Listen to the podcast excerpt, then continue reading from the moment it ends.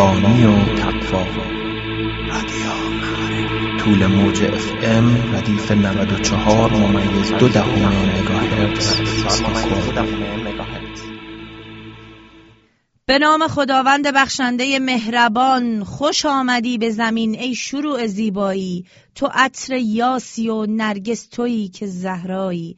تو آن طلوع قشنگی که در کنار علی برای ظلمت شبهای مکه آمدی. سلام بر تو که عشق محمدی و علی برای وصف خدا شرح بهترین غزلی.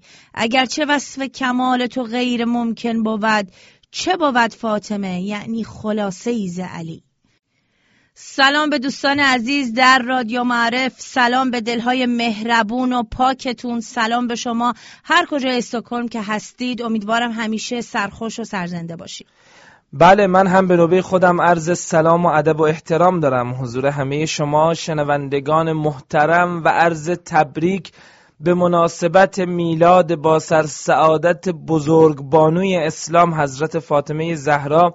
سلام الله علیها. این روز رو خدمت همه شما مسلمانان و عاشقان اهل بیت اسمت و تهارت تبریک و تهنیت ارز می کنم و همچنین تبریک ویژه خدمت همه شنوندگان عزیز و مادران گرامی و خانم های محترم که این ایام ایامشون هست این روزها روزهاشون هست. خدمت همکار خوبم سرکار خانم بخشنده هم این روز رو تبریک میگم و امیدوارم که همه زنهای جهان در این ایام لحظات خوبی رو سپری کنن با نام حضرت فاطمه زهرا سلام الله علیها. عذرخواهی می‌کنم در ابتدای برنامه که صدای بنده گرفته هست. امیدوارم که تحمل بفرمایید ما را همراهی کنید با برنامه های امروز رادیو معارف. تو کوکبی یا کهکشان تو منظری یا بیکران یک سور نور و زندگی. گشت نصیب این جهان گشت نصیب این جهان. تو کوکبی یا کهکشان تو منظری یا بیکران. یک سور نور و زندگی. گشت نصیب این جهان گشت نصیب این جهان. بوی جهالت محو شد. با نور نام فاطمه بانوی خورشیدی هم فخری تو بر عالم همه بوی جهالت محو شد. با نور نام فاطمه بانوی خورشیدی هم. فخری تو بر عالم همه. فخری تو بر عالم همه. یا فاطمه یا فاطمه یا فاطمه یا زهرا. میلادش تولد بهار است. تولد آب است و تولد هرچه پاکی و زلالی.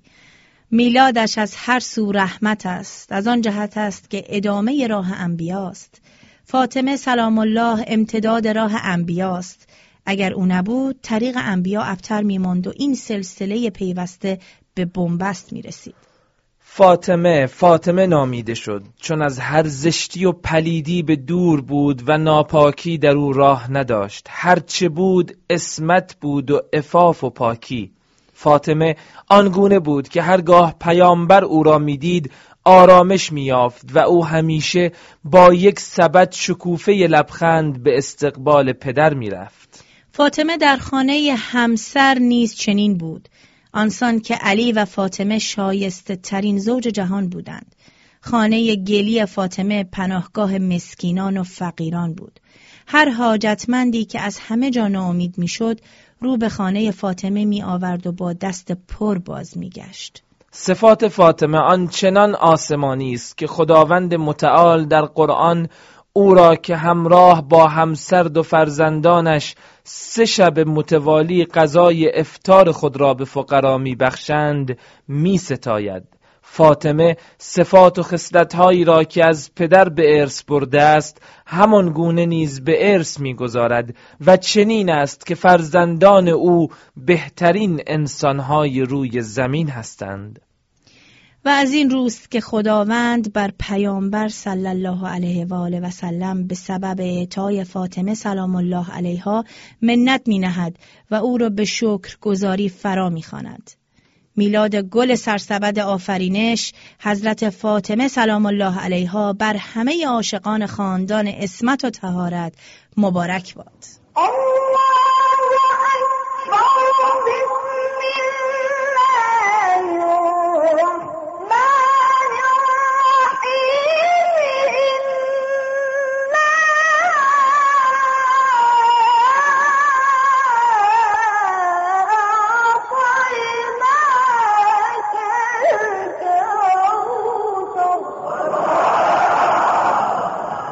به نام خداوند بخشنده بخشایشگر.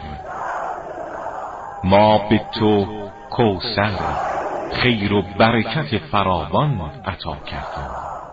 پس برای پروردگارت نماز بخوان و قربانی کن و بدان دشمن تو قطعا برید نسل و بیعقب است.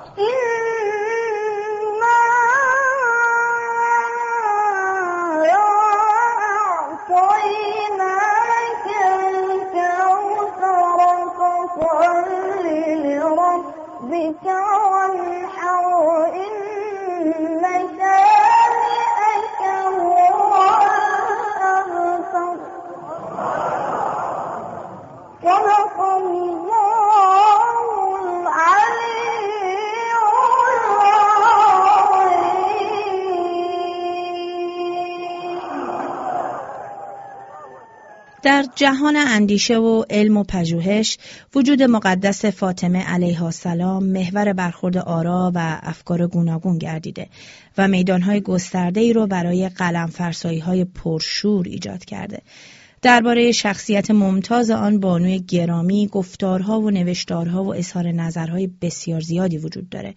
با این امید که شنوندگان عزیز تنها با مختصری از باستاب عظمت روح و بلندای مقام علمی و معنوی و مذهبی آن بانوی بزرگ اسلام در جهان تحقیق و نگارش آشنا بشن و همینطور انعکاس نیمروخ اون چهره درخشان رو در آینه کتابها و رسالات بشنون این برنامه رو برای دوستان تهیه کرد سلیمان کتانی نویسنده و شاعر و ادیب مسیحی است که دارای تعلیفات مشهور و موفقی در چهره نگاری شخصیت های اسلامی می باشد. او در آغاز یکی از کتابهایش می نویسد فاطمه زهرا مقامی والاتر از آن دارد که سندهای تاریخی و روایتی به سوی او اشاره کنند و گرامیتر از آن است که شرح حال گونه ها به جانب وی راهنما باشند.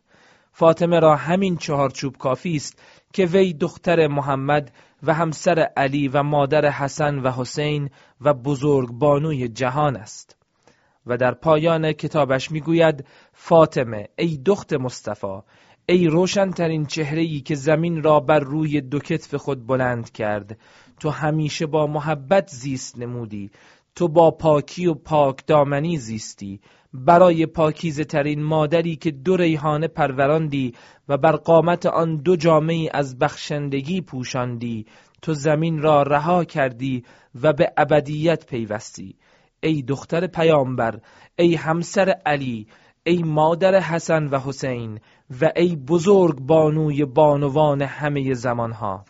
و باز در جای دیگری می نویسد قهرمانی نیرویی نیست که مستند به تن و بازو باشد یا مستند به تاج و تخت بلکه قهرمانی چیزی است که منطق رشد و فهم را به کار گیرد.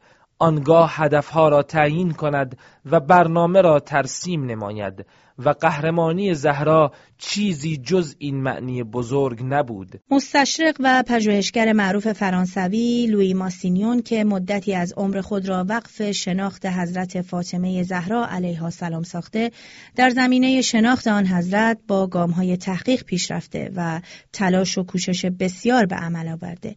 وی رساله محققانه در مورد مباهله مسیحیان با پیامبر اسلام که در سال دهم هجری در مدینه صورت گرفت نوشته که در آن نکته های جالب توجه فراوانی مطرح شده در اون کتاب می‌گوید اوراد و دعاهای ابراهیم از وجود دوازده نور که منشعب از فاطمه هستند خبر می دهد. تورات موسی از آمدن محمد و دختر پربرکت او و دو آقازاده به مانند اسماعیل و اسحاق یا همان حسن و حسین نوید می دهد.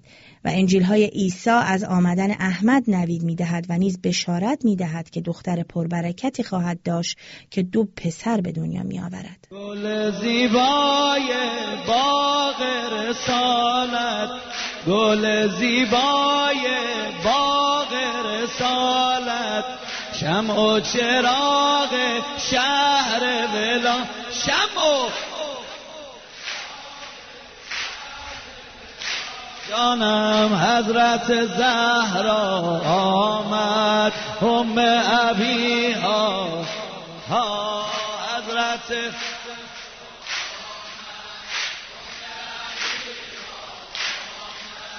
مکه امشب صفایی دگر دارد. مکه امشب صفایی دگر دارد. از در و دیواره از در و دیواره او گل میبارد. از در و دیواره او گل میبارد. حضرت زهرا آمد ام ابی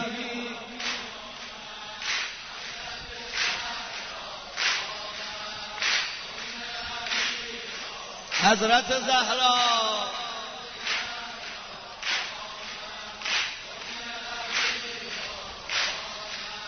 می‌خواهم از خوشحالی بمیرم.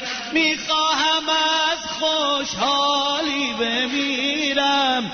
آمدم اینجا ایدی بگیرم. آمدم اینجا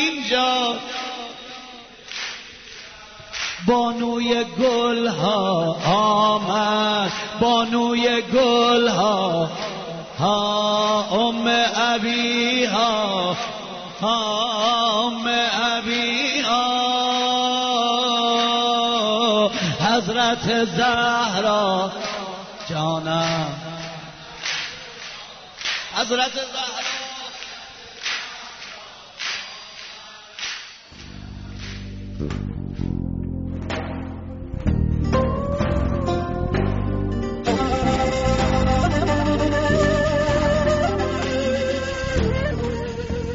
پیغمبر مبعوث شد. سال پنجم بعثت. جبرئیل اومد. آقا جون خدا میگه چهل شبانه روز از خدیجه کناری تمام روزا رو روزه بگیر تمام شبها رو عبادت کن چهل روز روزه چهل شب عبادت. اصل روز چهلم جبرئیل اومد. آقا خدا میگه از غذای دنیا افتار نکن افتارت پای خود آقا جون صبر کن. افتارش رو آورد باید سیب. سیب. نصف کرد. نوری از سیب.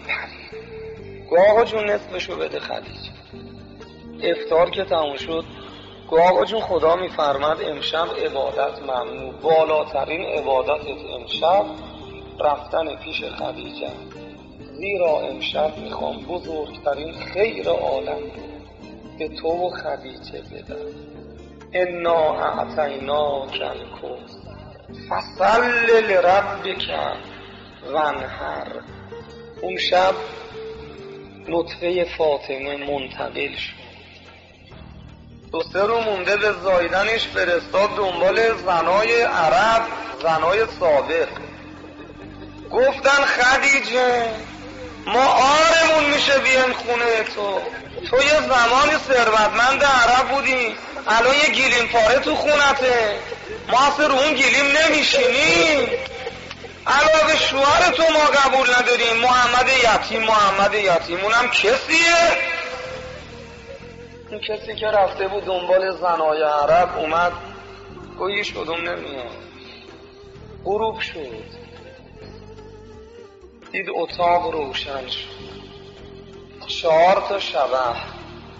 نور محض خدیجه من مریمم من آسیم.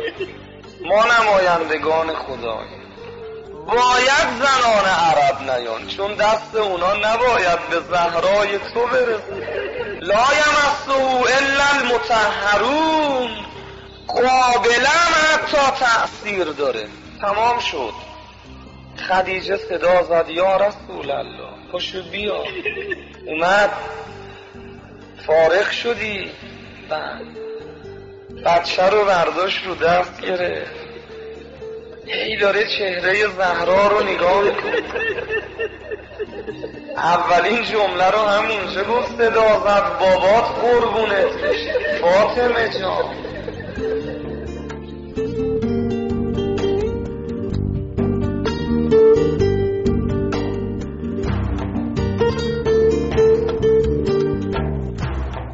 گنجینه صوتی تبیان صدای بال ملائک در اینترنت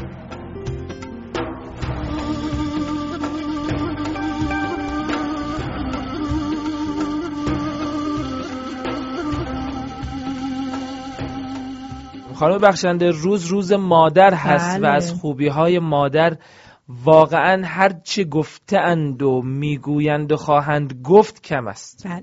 مادر یه موجود عزیز دوست داشتنی که واقعا تو زندگی هر کس بسیار بسیار بسیار بسیار. اگر وجود نداره وجودش خالیه. منظورم اینه که اگر کسی مادرش در قید حیات نیست جدا این حضور خالی مادرش رو همیشه حس می‌کنه. اگر هم در قید بله. حیات هست مادرش قطعا براش پیش میاد که این روزهایی واقعا دلتنگ این حضور گرم و مهربان مادر بشه. یک انرژی خاصی داره مادر که هر چقدر هم آدم بیشتر بزرگ میشه بیشتر به این نتیجه می‌رسه که به مادرش نیاز داره و انگار اون ارتباطی که بین مادر و فرزند هست هیچ وقت قطع نشده. یعنی اینکه ما فکر می‌کنیم یه روزی به دنیا اومدیم و حالا یه موجود مستقل شدیم برای خودمون این درسته. ولی به لحاظ روحی و احساسی من فکر می‌کنم این ارتباط مادر و فرزند هرگز قطع نمیشه و همیشه خدا تا دنیا دنیاست مادر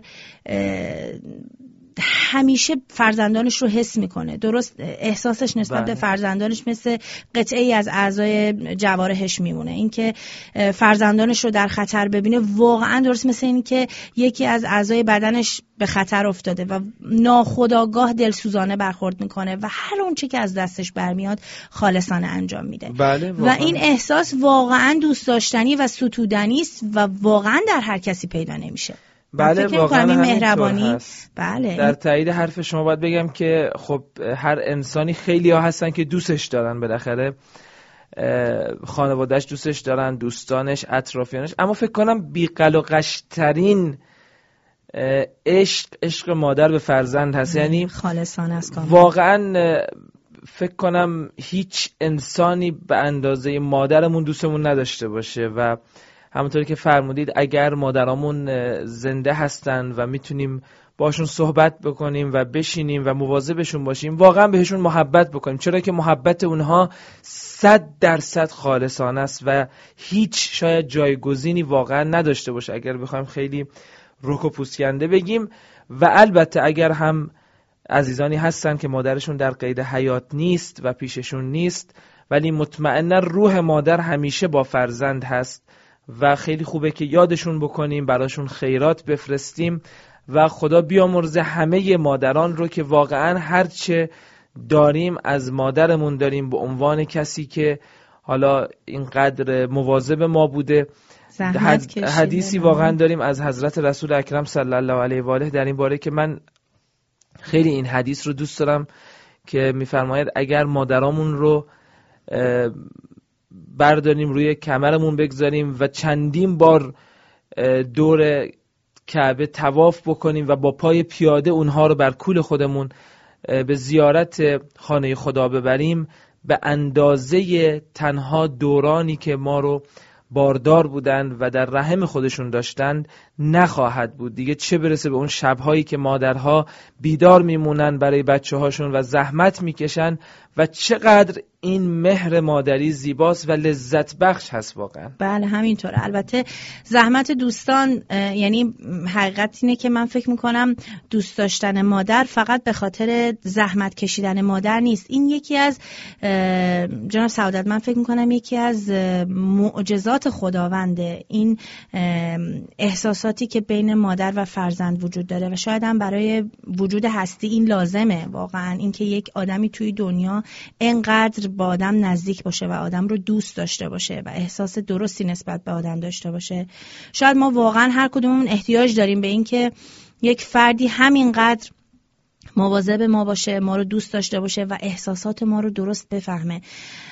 من فکر می‌کنم این یکی از اعجاز خداوند هست احساسی که یک مادر داره. من فکر نمی کنم یک پدر مثلا با وجود اینکه خیلی زحمت می‌کشه ولی شاید نتونه مثلا احساسی که یک مادر داره رو متوجه بشه. چون خلقت زن خاص ظریف و حالا گذشته از اینکه خیلی منزلت ویژه‌ای داره زن در این دستگاه هستی خب مادر یه قدری هم ویژه تره. پس شما که مادر هستی به خودت ببال ارزش بله. خودت رو بدون دوست عزیز بدون که خداوند برای شما جایگاه ویژه‌ای قرار داده و این نهایت خوشبختی است. همین یک کلام. نهایت بله خوشبختی. واقعا در تایید همه این گفته ها همین گفته رسول گرامی اسلام حضرت محمد مصطفی صلی الله علیه و آله بس که فرمودند بهشت زیر پای مادران است. اللهم صل علی محمد و آل محمد. اللهم صل علی محمد و آل محمد. انا اعطیناک الکوثر. ما به تو کوسر یعنی خیر کثیر رو عطا نمودیم. خیر کثیری که مظهر همه خوبی هاست. و کلمه کوسر در شعن فاطمه زهرایی است که او ام ابی هاست. و همچنین فاطمه زهرا سلام الله علیها شخصیتی است که برای همه زمانها و مکانها اصوه تو گوش دریا ترانه بارون. پیچیده تو گوش دریا ترانه بارون. به عشق عشق بانوی عالم دلم شده مجنون. قدم زده مادرش به روی چشمامون. گوشواره هاش همه ستاره ها محو نگاش. چشای آسمون بال فرشته ها زیر پاشه. دل می‌بره با نور خنده هاش از پدرش. رو دوش مادرش آسمون خدا تو نگاشه. دل آسمون بیتاب شب عاشقی. پر دل.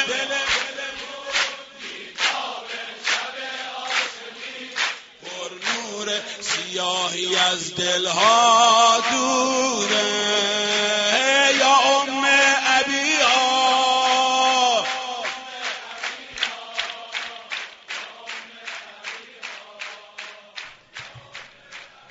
دوستان عزیز شنونده خسته نباشید. با ویژه برنامه میلاد حضرت فاطمه زهرا سلام الله علیها در خدمت شما هستیم. دختر پیامبر گرامی اسلام حضرت فاطمه زهرا سلام الله علیها. بزرگ بانوی جهان اسلام و یکی از چهار بانوی بزرگ تاریخ بشریت که واقعا باعث افتخار هر مسلمانی است وقتی که زندگی این بانوی محترم رو مرور می‌کنیم و رفتار و صحبتها و مسائل مختلفی که تاریخ برای ما نقل کرده نشون میده که ایشون چه انسان بزرگی بودن و واقعا الگو هستن نه فقط برای مادران و زنان بلکه برای همه مردان خانم بخشنده بله. واقعا وقتی که گفته های دیگران درباره حضرت زهرا سلام الله علیها رو هم مرور می‌کنیم می‌بینیم که اسلام چه مقامی برای بانوان در اصل قائل بوده و تا چه حدی مقام زن رو مهم دونسته و واقعا این نشون میده که در دین اسلام نه فقط مردان می‌تونن به درجه اسمت برسن که حتی زنان هم می‌تونن این کار رو انجام بدن و زنانی همچون حضرت زهرا سلام الله علیها حضرت زینب حضرت خدیجه و خیلی از بانوان دیگه که اگر بخوایم بشماریم شاید ساعت ها طول بکشه. بله همینطوره و واقعا به نظر منم یعنی خودم حقیقت اینجور توجیه میشم. میگم چقدر زیبا که بانوی مثل حضرت زهرا می‌تونه الگوی تمام مسلمانان و شیعیان باشه و افتخار می‌کنم به اینکه زن هستم و خداوند من رو از جنس لطیف زن آفرید و نمونه های بارزی رو هم روی کره زمین مثل حضرت زهرا ایجاد کرد که واقعا آدم افتخار کنه. شنیدن سخنرانی های کوبندهشون و بسیار سخنرانی های زیبایی که در اون زمان داشتن و الان من گاهی مقدارش رو خوندم واقعا در حیرت میمونم در اون زمانی که شاید چند سال قبلش زنان زنده به گور می‌شدن حالا به واسطه چند سال بعد می‌بینیم بله. زنی به این روانی صحبت می‌کنه و انقدر قشنگ نکات رو پیش می‌بره و در مقابل ظلم میسته در مقابل ظلم میسته و بله. اینقدر لباقت کلام داره و چه فرزندانی رو تربیت می‌کنه چه الگوی خوبی برای دیگرانه و واقعا فکر می‌کنم ستودنی است و ستودنی خواهد بود تا دنیا دنیاست. بله واقعا همینطور هست. امیدواریم که ما واقعا حضرت فاطمه زهرا سلام الله علیها رو الگوی خودمون قرار بدیم. در بحث توسل هم وقتی که نگاه می‌کنیم و همونطور که می‌دونید خب توسل به اولیای الهی یکی از کارهای قشنگی است که در مذهب ما وجود داره. خیلی از دوستان من شنیدم که وقتی توسل پیدا کردم به حضرت فاطمه زهرا سلام الله علیها و این بانوی بزرگ رو واسطه قرار دادن بین خودشون و خدای خودشون چه کراماتی به دستشون اومده براشون بوده و چه خوبی هایی براشون بوده انشاءالله که این توفیق برای ما هم باشه تا با قرار دادن حضرت فاطمه زهرا سلام الله علیها به عنوان واسطه بیشتر به خداوند متعال نزدیک بشیم. اما خانم بخشنده یکی از کارهای قشنگی که در مذهب شیعه وجود داره بحث هدیه دادن به مادران و همسران و حتی دختران هست در روز میلاد حضرت فاطمه زهرا سلام الله بله. علیها که سنت بسیار قشنگیه به نظر من. بله خیلی سنت زیباییه. من همین سنت رو خیلی دوست دارم. خوشحالم از اینکه این سنت پاورجاست. امیدوارم بله تا دنیا دنیاست پاورجان بمونه. حداقل ما خانما بتونیم یه چیزی بالاخره یه بله، کادوی حسابی برای یک بار در سال بتونیم از آقایون بگیریم دیگه.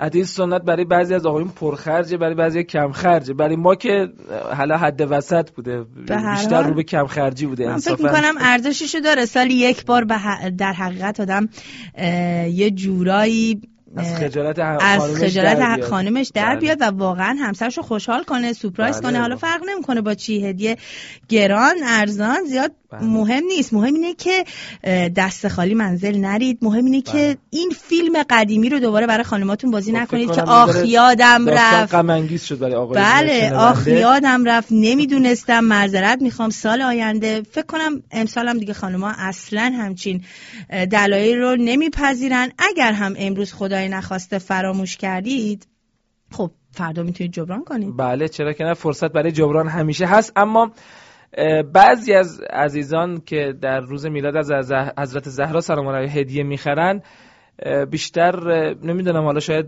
از لحاظ فرهنگی جا افتاده که برای همسر آدم برای زنش هدیه می‌خره. اما بله. این روز کلا روز زن هست. یعنی روز مادر هم هست روز دخترانمون هم هست. اگر مادراتون در قید حیات هستن حتما اونها رو هم فراموش نکنید و اگر در قید حیات نیستن شاید حتی مثلا ختم یکی از سوره های مبارکه قرآن کریم می‌تونه هدیه قشنگی باشه و اگر هم فرزند دختر دارید حتی برای اونها هم هدیه بخرید چرا که طبق فرموده پیامبر گرامی اسلام صلی الله علیه و آله هدیه دادن باعث افزایش محبت می شود بله. ببینیم امروز چی کار می‌کنن آقایون؟ چقدر سبب افزایش محبت میشن؟ خب. در چه حد کادو می‌گیرن؟ تا بیشتر از این خلاصه به خرج نکردیم آقایون رو. اجازه فرمایید. برمیگردیم با این صدای گرفته بنده در خدمت شما خواهیم بود. صفر هشت دوازده ده چلو چار پنج و یک راه ارتباطی استودیو رادیو صدا همیشه هر جا که باشی می‌تونه هم دل و همراهت باشه. بین دلهای غریب آدما می‌تونه عطر رفاقت بپاشه. می‌تونه عطر رفاقت بپاشه. این صدا این صدا همیشه هر جا که باشی می‌تونه هم دل و هم راحت باشه. بین دلهای غریب آدما. می‌تونه عطر رفاقت بپاشه. می‌تونه عطر رفاقت بپاشه.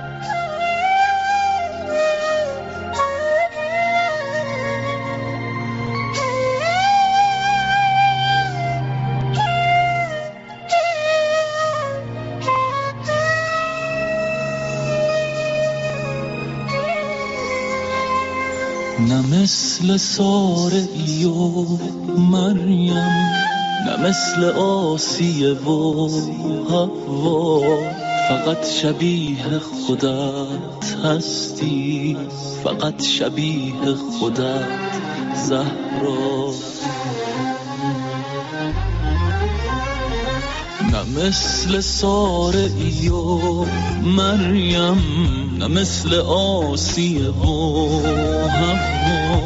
فقط شبیه خودت هستی. فقط شبیه خودت زهرا. اگر شبیه کسی باشی شبیه نیمه شب قدری شبیه آیه تطهیری شبیه سوره اتینا شناسنامه تو صبح هست در تبسم و ما در سلام ما به تو ای باران. درود ما به تو ای دریا.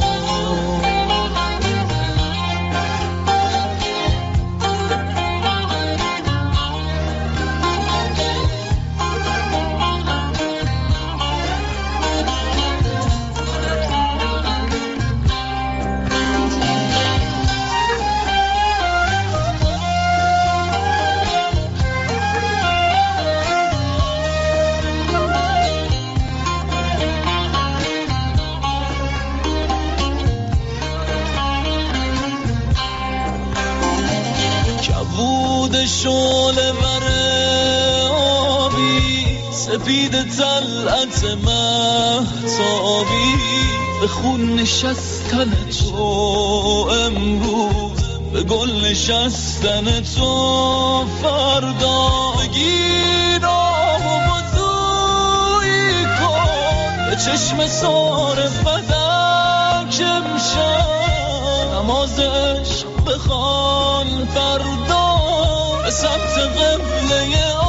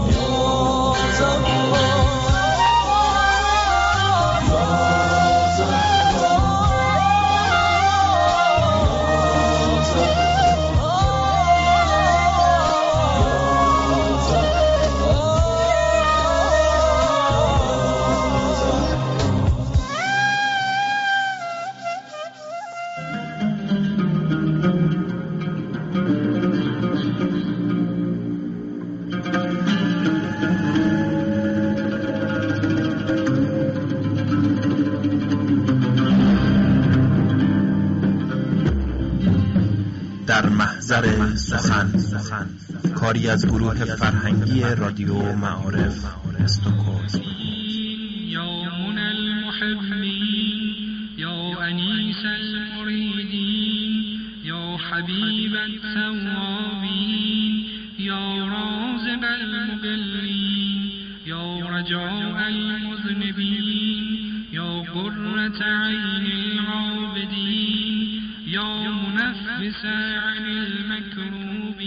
جوانان عزیز انشالله شما که در بهار جوانی هستید خدا همه شما را حفظ کنه. به عظمت دین خیلی فکر بکنید. آیت الله آقای بها دینی. قدس الله سره ما که خدمتش می‌رسیدیم یکی از کلماتی که ایشون ای بسا بی مقدمه بر زبان می آورد که شاید ما هم متنبه بشیم. میفرمودن اسلام بزرگ است. این کلمه رو شاید گاهی وقت مثلا روزی چند دفعه می‌گفت. این عظمت اسلام رو دریابیم بابا. مکتب خیلی بزرگه. تربیت شدگان این مکتب رو ما طاقت نداریم احوالشون رو بشنویم.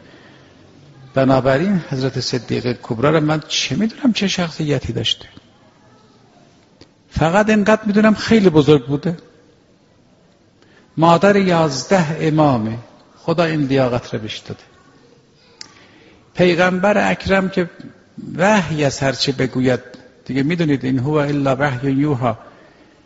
ولی وقتی دید امیر المومنین با حضرت زهرا با هم نشستن یا با هم ایستاده بودن روایت این قسمتش متعرض نشده. فرمودن مرحبا به بحرین یلتقیان. حتی خدا یه عمر ما تو این فکر کنیم. پیغمبر اکرم به این دو نفر میگه دریا. دریای سر دریای علم. مرحبا به بحرین یلتقیان. خوش شوخی نیست این بر حسب روایات تسنن که اینا رو ما در جوانی الحمدلله دیدیم و تحقیق کردیم فهرست برداری کردیم. آقایون عزیزان خواهران ببینید یه وقت آدم یه تعارف به یه نفر می‌کنه. آیا الله حالا یه بار. ولی روایات معتبر اهل تسنن نشان میده پیغمبر ملتزم بود. ببین التزام حرف بزرگی است. ملتزم بود. هر وقت حضرت زهرا وارد بشه جلوی پاش بلند شه. این التزام داشت پیغمبر. عجیبه. این التزام خیلی کاشفیت داره چه میده داخل در صورت او؟ دیگه بالاخره دختری پدری که این تعارفات رو نداره. و یه بار آدم دو بار دخترش احترام بکنه. اما همیشه پیغمبر ملتزم باشد که جلوی پای صدیقه طاهره بلند شه چی نشون میده. تشیع را درست بفهمیم.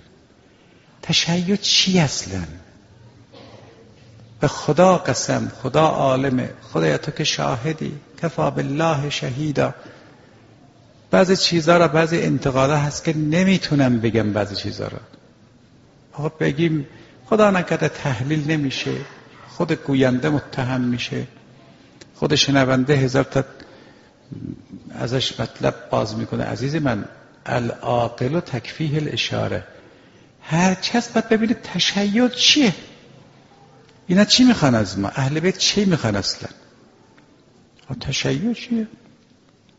درست معلومات اینها یاد گرفتن. رو معلومات اینا درست فکر کردن در آوردن الان خطری که طلبه ها و دانشجویان رو تهدید می‌کند که من میگم خطر ممکنه بگن عجب آدم مرتجعه به این میگه خطر.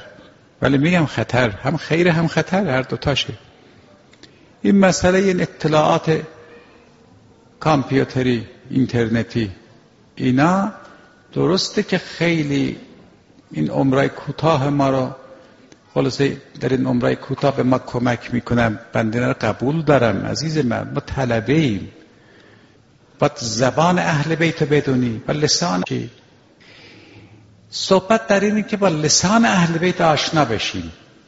با لحنشون آشنا بشیم. برو ببین امام صادق از تو چه خواسته؟ یه دارن میرن کربلا. رفتن خدمت امام صادق سلام الله علیه. آقا داریم میریم کربلا یه موعظه بفرمید. فرمود مواظب زبانتون باشید. تو این مسیر که میریم برمیگرده مواظب زبانتون باشین اینه اینه ما مصادقه می‌خواست. و الا ما می‌دونیم چه کسی در درگاه خدا جهنمیه. می‌دونیم اینا را. ان الذين يؤذون الله ورسوله لعنهم الله و اعد لهم عذابا علیما اینا مفروغ. عنه همه را می‌دونیم ولی باید ببینید الان وظیفه چیه؟ آقا چی خواست امام زمان رو چه چیزی خوشنود می‌کند؟ حضرت زهرا چه چیزی خوشنود می‌کند؟ بنابراین آقا این دین دین بزرگ است. ببین محصول این دین حضرت زهراست کسی عقلش به مقامش نمی‌رسه.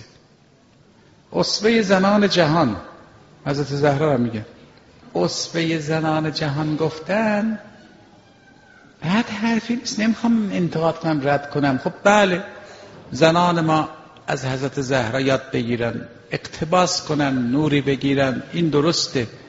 ولی بنده اینجا یه ایراد دارم. ایرادم اینه که این محدود کردن اصفه بودن حضرت زهراست. دایره را کوچیک کردنه. یعنی فقط اصفه زنان. ها؟ شما چی میگین؟ میگم اصفه تمام زنان مردان اصفه تمام اقلای جهان. خب چرا محدود می‌کنی عزیز من؟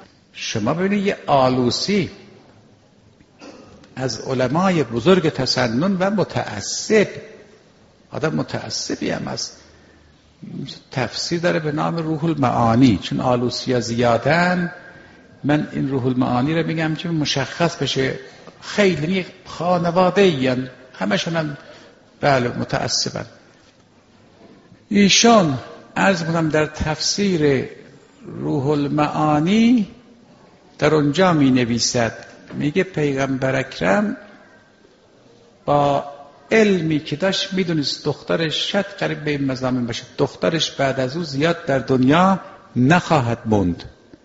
این آلوسی نوشته. این جالبه. یک مرد به این تعصب یا عالم سنی می نویسد که پیغمبر اکرم می‌دونست که حضرت زهرا بعد از او در دنیا زیاد نخواهد موند ولی و الا حضرت زهرا را به عنوان یکی از پیشوایان معرفی می‌کرد. بله. حتی تعبیرش این است.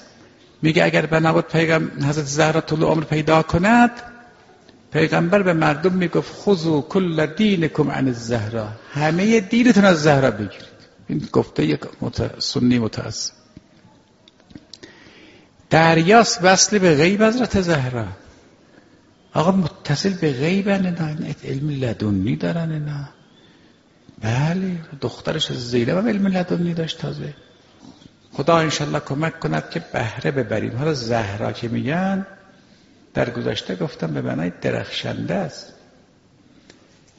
یه موجود درخشنده آدم خودشو در جهت او قرار بده نور بهش میتابه.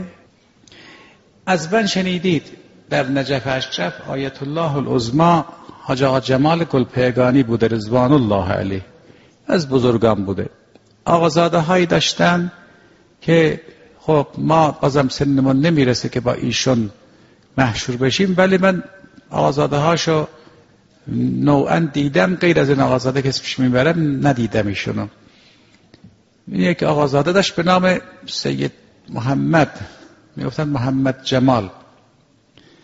محمد جمال الهاشمی جوانان عزیز ایشان عرض شود خدمتتون که از کبار شعرا بود. مرحوم مرحومه باید بگم پروین اعتصامی خدا رحمتش کنه شاعر گرونقدری بود. از مفاخر این سرزمین بود. مردم نمی‌دونستن. من از بیت مرحوم جواد جمال از بیوتشون شنیده بودم. گفتم الحمدلله بعضی از دوستان هم یواش یواش آشنا شدن. پروین می شود گفتش که راز رمز شاعری را از سید محمد جمال می گرفت. این کسی نمی‌دونست اصلا. و پروین کجا یا آخوند نجف کجا؟ ها؟ ولی بنده مدارک شمره دارم. پروین اعتصامی رحمت الله علیها وقتی محمد جمال میمد ایران وقت می‌گرفت میره پیشش. بله. شعر گفتن درست بگی هنره. الان ببین مندگار شده حافظ تا قیامت هست سعدی تا قیامت هست. حالا ایشون شعری گفته بر از زهرا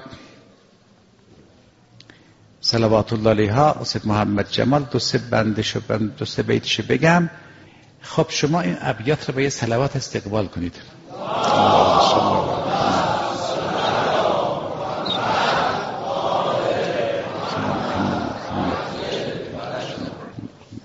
شعت این خانم نور افکنده.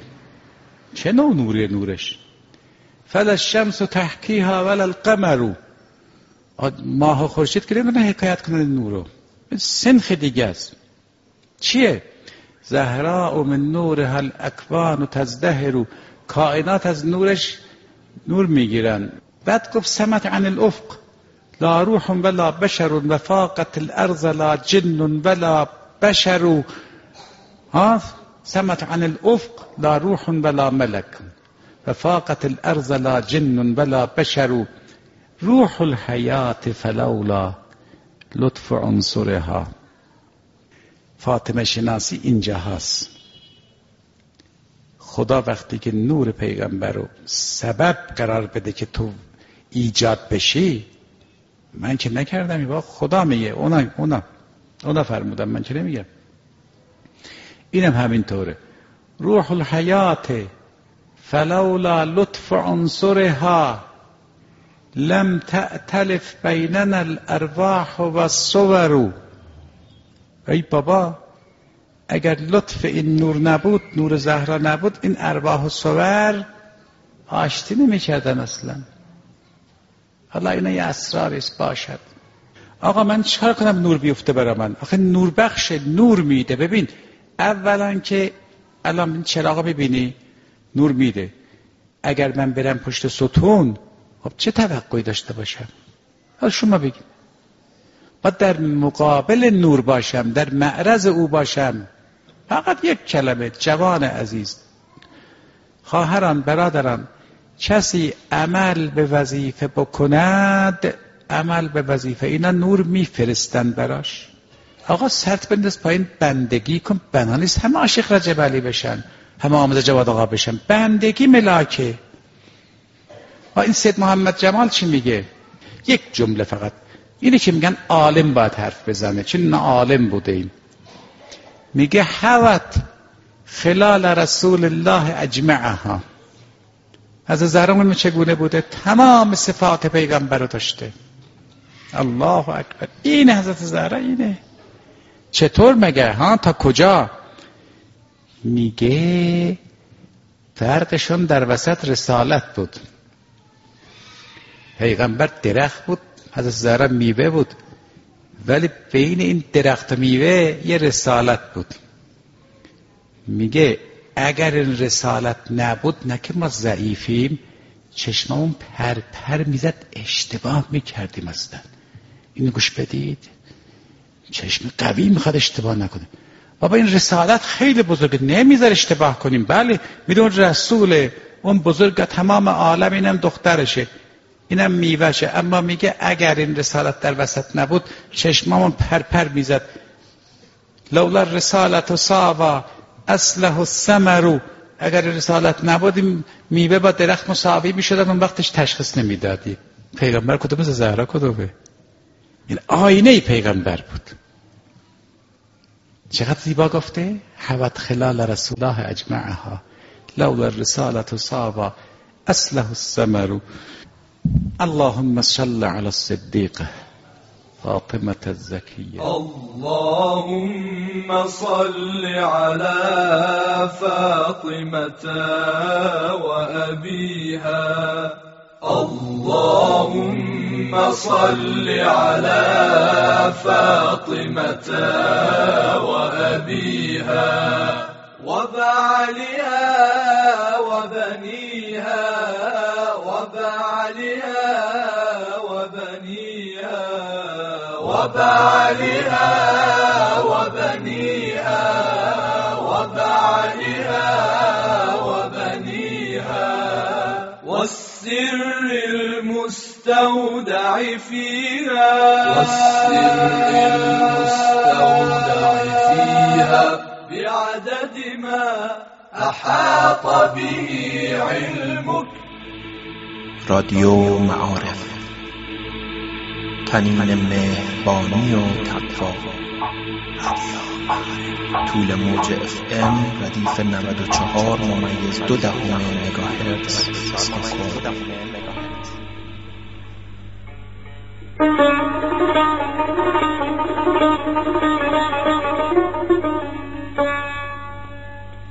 مادر خاطره لطیف دستانت یادگار همیشه جاری در احساس من است و نقش تو در قالب خاطرم هماره جاودان هنوز گوشهایم بوی لالایی تو را می‌دهند و چشمهایم هنگام شب سراغ قصه های تو را می‌گیرند. مادر از همان آغاز که بوسیدمت و از همان آغاز که چشمانت را شناختم دانستم در باغ بهشت ایستاده ای که تمامت بوی بهشت می‌داد. نگاهت که می‌کنم مثل همه این سالها و مثل همه بامدادان عمرم آرامشی غریب مرا به تمامی در خیش می نگاه هم که می‌کنی مثل همه این سالها و مثل همه شبهای عمرم صدای لالایی آشنا مرا به سرزمین خوابهای خوش میفرستد. به سرزمین تمام قصه هایی که تو برایم گفته ای آنگاه که سرم را به زانو می گرفتی و می گفتی بخواب کودکم که پادشاه پریان در قصر طلاییش به انتظار توست و باور من به تو مرا هر شب به قصر طلایی پادشاهان می برد همه رویاهای من پرداخته دست مقدس تو بود مادر و همه آرزوهایم آرزوهایی که بنیان فردای مرا میگذاشتند بنیان همیشه زندگی مرا. هان مقدس زیبا همان گهواره قدیمی که دست تو آن را تکان می‌داد سالهاست که تمام حسرت مرا برانگیخته است. روزگار روزگار بیرحمی است. و امنیت آغوش تو را هرگز در جای دیگر نیافتم. عشق تو چنان حریم آسایش آرامی را برای من ساخته بود که جز در سایه سار محبت تو در هیچ جای دنیا نمی‌توان یافت. پس کدام اسطوره عشق می‌تواند بگوید که از تو عاشقتر است؟ جز این نیست که اینک جزء عظیم رسالت قلم من تقدیس توست مادر. سپاس حقیر و ناتوان مرا بپذیر که جز این کار بزرگتری برای قدردانی نمی‌توانم. تنها بدان که شکوه تو را دانستم ای ملکه محبت ای عشق و ای اصاره هرچه ایثار. بزرگترین فداکاران زمین تنها قسمتی از وجود تو را آموختند مادر مگر جز این است که بزرگترین ها روزی حقیر و کوچک در دامن تو بودند و از مکتب تو آموختند آنچه را که بزرگشان کرده است.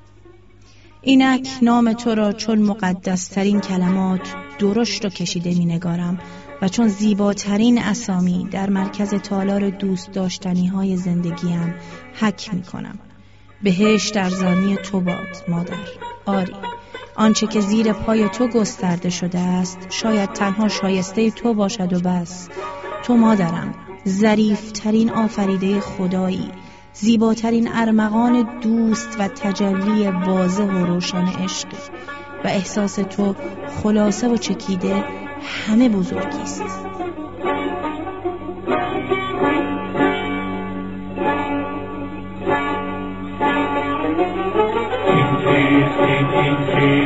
این یوسف ثانیستین حضرت و الیاسین مگر یا آب حیرانیستین این باغ روحانیستین یا بزم یزدانیستین این کیستین این کیستین این باغ روحانیستین یا بزم یزدانیستین تو میت خواهانیستین یا نور سبحانیستین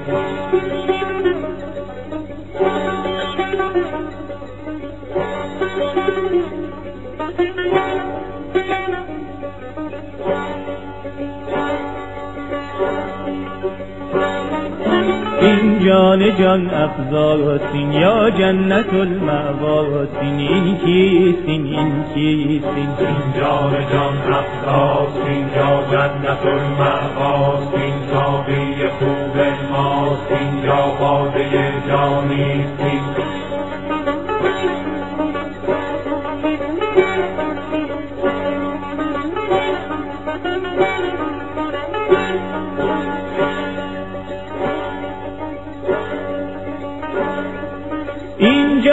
جان افزاسین یا جنت المعواسین ساقی خوب ماسین یا باده جانیسین این چیسین این چیسین این جان جان افزاسین یا جنت المعواسین ساقی خوب ماستین یا باده جانیستین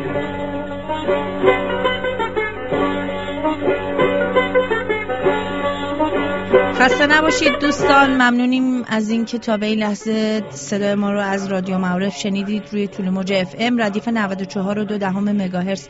چیز زیادی از برنامه های ما باقی نمونده. تقریبا لحظات پایانی برنامه است. من در آخر قبل از خدافزی دوست دارم فقط این حدیث رو از حضرت زهرا سلام الله علیها بگم بهتون. ایشون فرمودن بهترین شما کسی است که در برخورد با مردم نرمتر و مهربانتر باشد و ارزشمندترین مردم کسانی هستند که با همسرانشان مهربانند. قابل توجه همه دوستان همه اونهایی که روز زن هم هست و هر حال فکر کنم دیگه فرصتش آقایون جدا امروز رو از دست ندن. شما رو به خدای بزرگ میسپارم هر کجا که هستید سربلند و سرافراز باشید. التماس دعا. خدا نگهدار.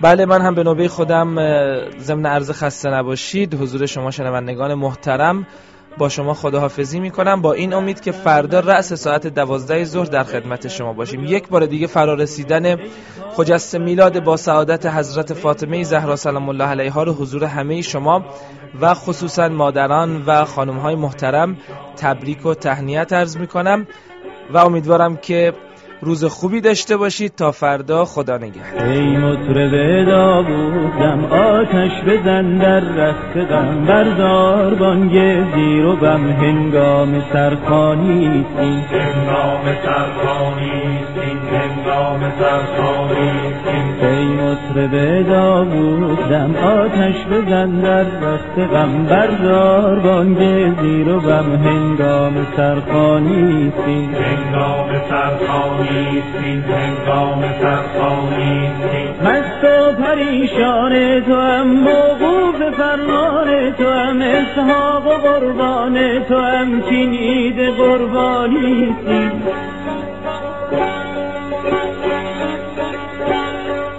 مست و پریشان تو هم موقوف فرمان تو هم اسحاق و قربان تو هم کینید قربانی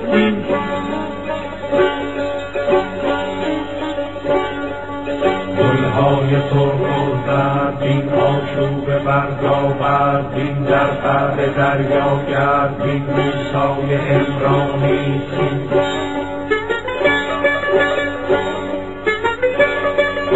گلهای سرخ و زردین آشوب بردابردین در غر دریا گردین موسای امرانی این این کیستین موسای امرانی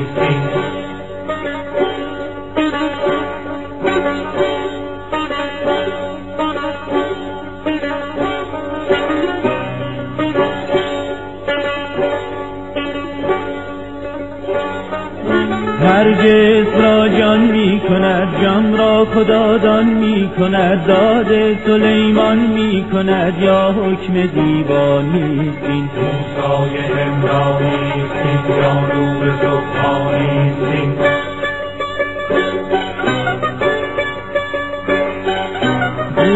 شبیهی دست با چوگان او پایت شود در پیش سلطان میدوید این سیر ربانی این این سیر ربانی خورشید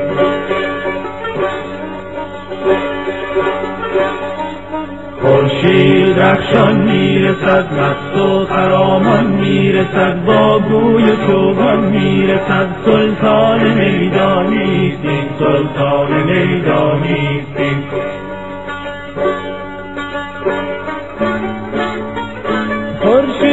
درخشان می‌رسد مست و خرامان می‌رسد با گوی و چوگان می‌رسد. سلطان میدانی این سلطان میدانی این سلطان میدانی این